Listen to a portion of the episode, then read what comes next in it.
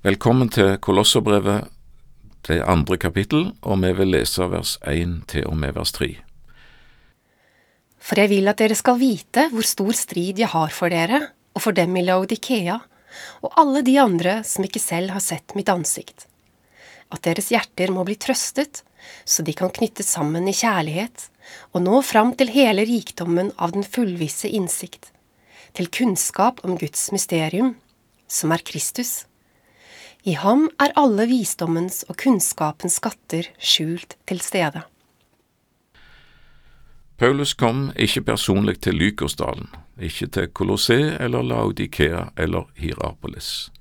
Likevel kjente de Paulus' hjertevarme og omsorg, kunne han kjempe hardt for dem i sine bønner, at de måtte ha trøst, kjærlig samfunn, visshet, kristen kunnskap Alt dette var å få ved innsikt i Guds hemmelighet, Guds mysterium, som er Kristus. Vers 2. Hemmelighet er mysterium på grunnteksten.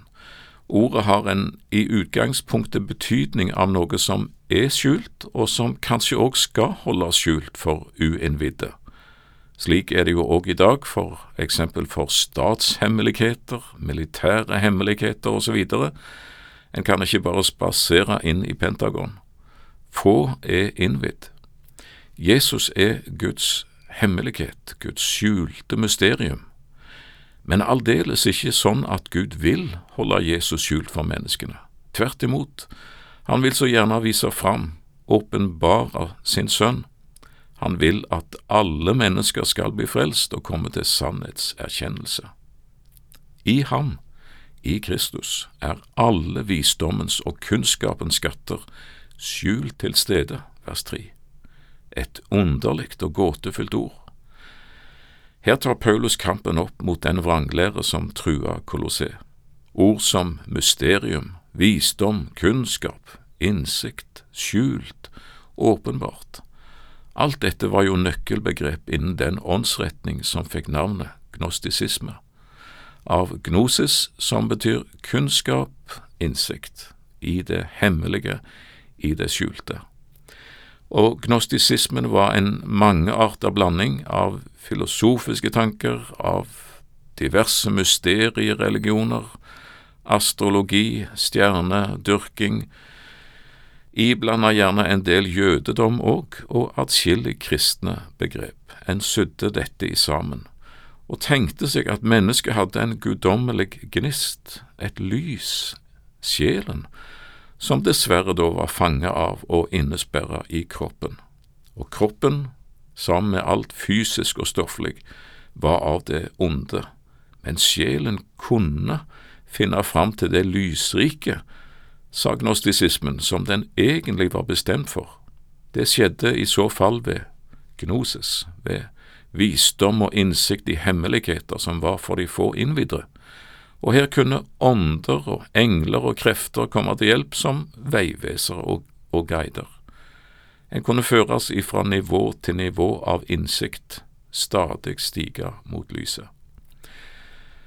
Paulus karakteriserer denne lære her i kapittel to som bedrag, lokkende tale, fangenskap, visdomslære, tomt bedrag, menneskers tradisjoner, verdens barnelærdom, falsk ydmykhet, engledyrkelse, oppblåst, kjødelige syner, menneskers bud og lærdommer, selvvalgt gudsdyrking, ydmykhet, og òg sjølplaging og askese tar han opp i denne sammenheng.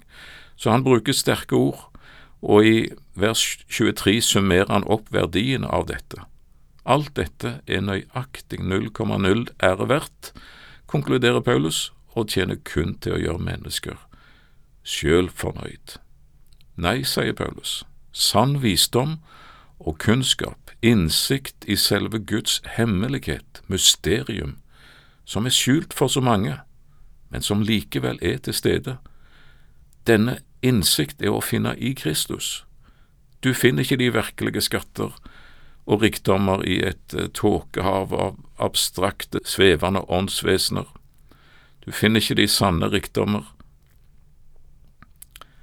Du finner ikke de virkelige skatter, de sanne rikdommer, i et tåkehav av abstrakte, svevende åndevesener og luftige tanker og englesyner. Frelse er å finne i personen Jesus, han som kom til oss og ga sitt liv til vår utfrielse. I ham, insisterer apostelen, er alle visdommens og kunnskapens skatter skjult til stede. En gang var òg dette skjult for Paulus. Han så kristentroende fra utsida og hata inderlig det han så. Faktisk skydde han ikke noe middel for å utrydde Kristustroen. Men så møtte Paulus Jesus, og han fikk flytta fra å være utenfor til innenfor, fra å være uten Kristus til å være i Kristus, og fra å se fra utsida så han nå innenfra, fra innsida. Hvilken forskjell! Nå kunne han se og ane noe av de ufattelige skatter som vi eier i Jesus. Ingen har sett alt, sjøl ikke Paulus.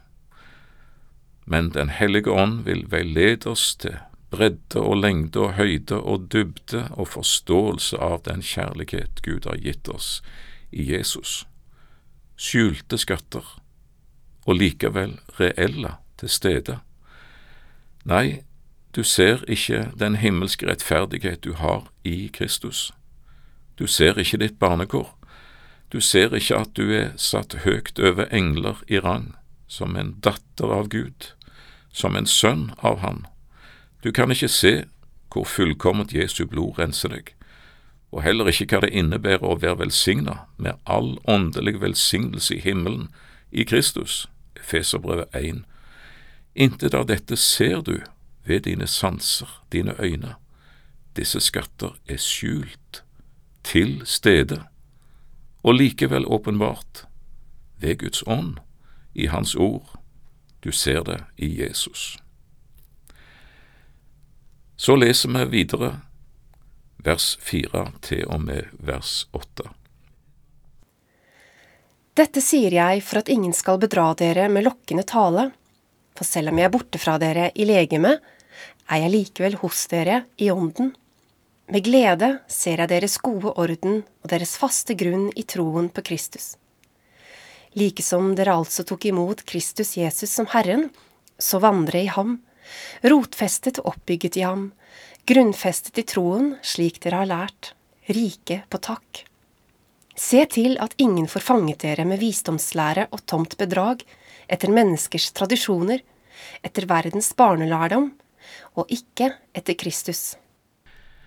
Vi ser tre bilder for oss i dette avsnittet. For det første et rotfestet tre, for det andre et grunnfestet hus, og for det tredje en oppstilt og kampklar hær. For det første, å være rotfesta og grunnfesta og bygd opp på den faste grunn i troen på Kristus. Det er den beste motmedisin mot all vrang lære og åndelig forførelse, får vi vite her i dette avsnittet. Rotfestet i ham, vers 7. det er et godt uttrykk. Ordet er fra planteriket, og vi ser for oss et tre som skyter dype røtter ned i jordsmonnet. Det sikrer både næring og gir trygghet i storm og uvær. Jesus snakker om de som tar imot ordet med glede, Lukas 8, men de tror bare en tid, i prøvelsens stund faller de fra. Hvorfor? De har ingen rot. De levde så overfladisk, ordet fikk ikke slå rot i de, og derfor slo de heller ikke rot i Kristus. Når så stormen kom, falt de, og vi har sett etter høststormene, trærne som ligger der, velte over ende. Det har alltid talt alvor til meg, hvor viktig det er å være rotfestet i Kristus. Sann kristen vekst er to ting, annen kongebok kapittel 19 og vers 30.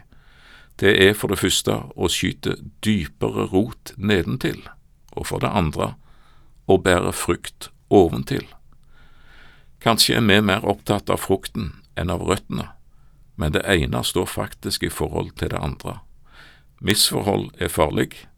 Er det et hurtigvoksende, prangende og i anførselstegn sjølbevisst tre, som har stor krone, men bærer liten frukt, og som knapt har røtter, da ligger det treet dårlig an i stormens tid. Rotfestet i ham. For det andre grunnfestet i troen. Da ser vi for oss huset som er bygd på fjell, som vi leser om i Martes 7, det som trass seg sto og blei stående tross stormregn og flom og kastevind, for det var grunnlagt på fjell. Ordet oppbygget i ham, som vi leser her, det sikter på et hus som altså for det første er bygd og solid grunnfesta på Kristus, og som er oppbygget òg i ham. Det huset blir stående. Et tredje bilde ser vi òg i vår tekst i vers fem. Med glede ser jeg deres gode orden og deres faste grunn i troen på Kristus. Orden og fasthet. Begge disse ord på grunnteksten er henta ifra militærspråket. Paulus ser for seg en åndelig hæravdeling, en kolossé, en frelsesarmé, og de er oppstilt, klare til kamp, faste og urokkelige. De stoler på Jesus Kristus sin Herre og øverstkommanderende. Paulus gleder seg over det synet, og han heier på dem. Like som dere altså tok imot Kristus Jesus som Herren, så vandrer i ham, følg han. Så for det første et rotplantet tre, for det andre et grunnfestet hus, og for det tredje en fast, urokkelig hær, rike på takk, bevæpna med takknemlighet for hva de har i ham, i Jesus. Glede i Herren er vår styrke, Nehemja 8, vers 10. Glede i Herren er trygghet, Filippabrevet 3 og vers 1. Et slikt tre, et slikt hus, en slik hær blir stående, men la oss være årvåkne og oppmuntre Paulus til vers 8, se til at ingen får fanget dere med visdomslære, tomt bedrag, etter menneskers tradisjoner, etter verdens barnelærdom, og ikke etter Kristus.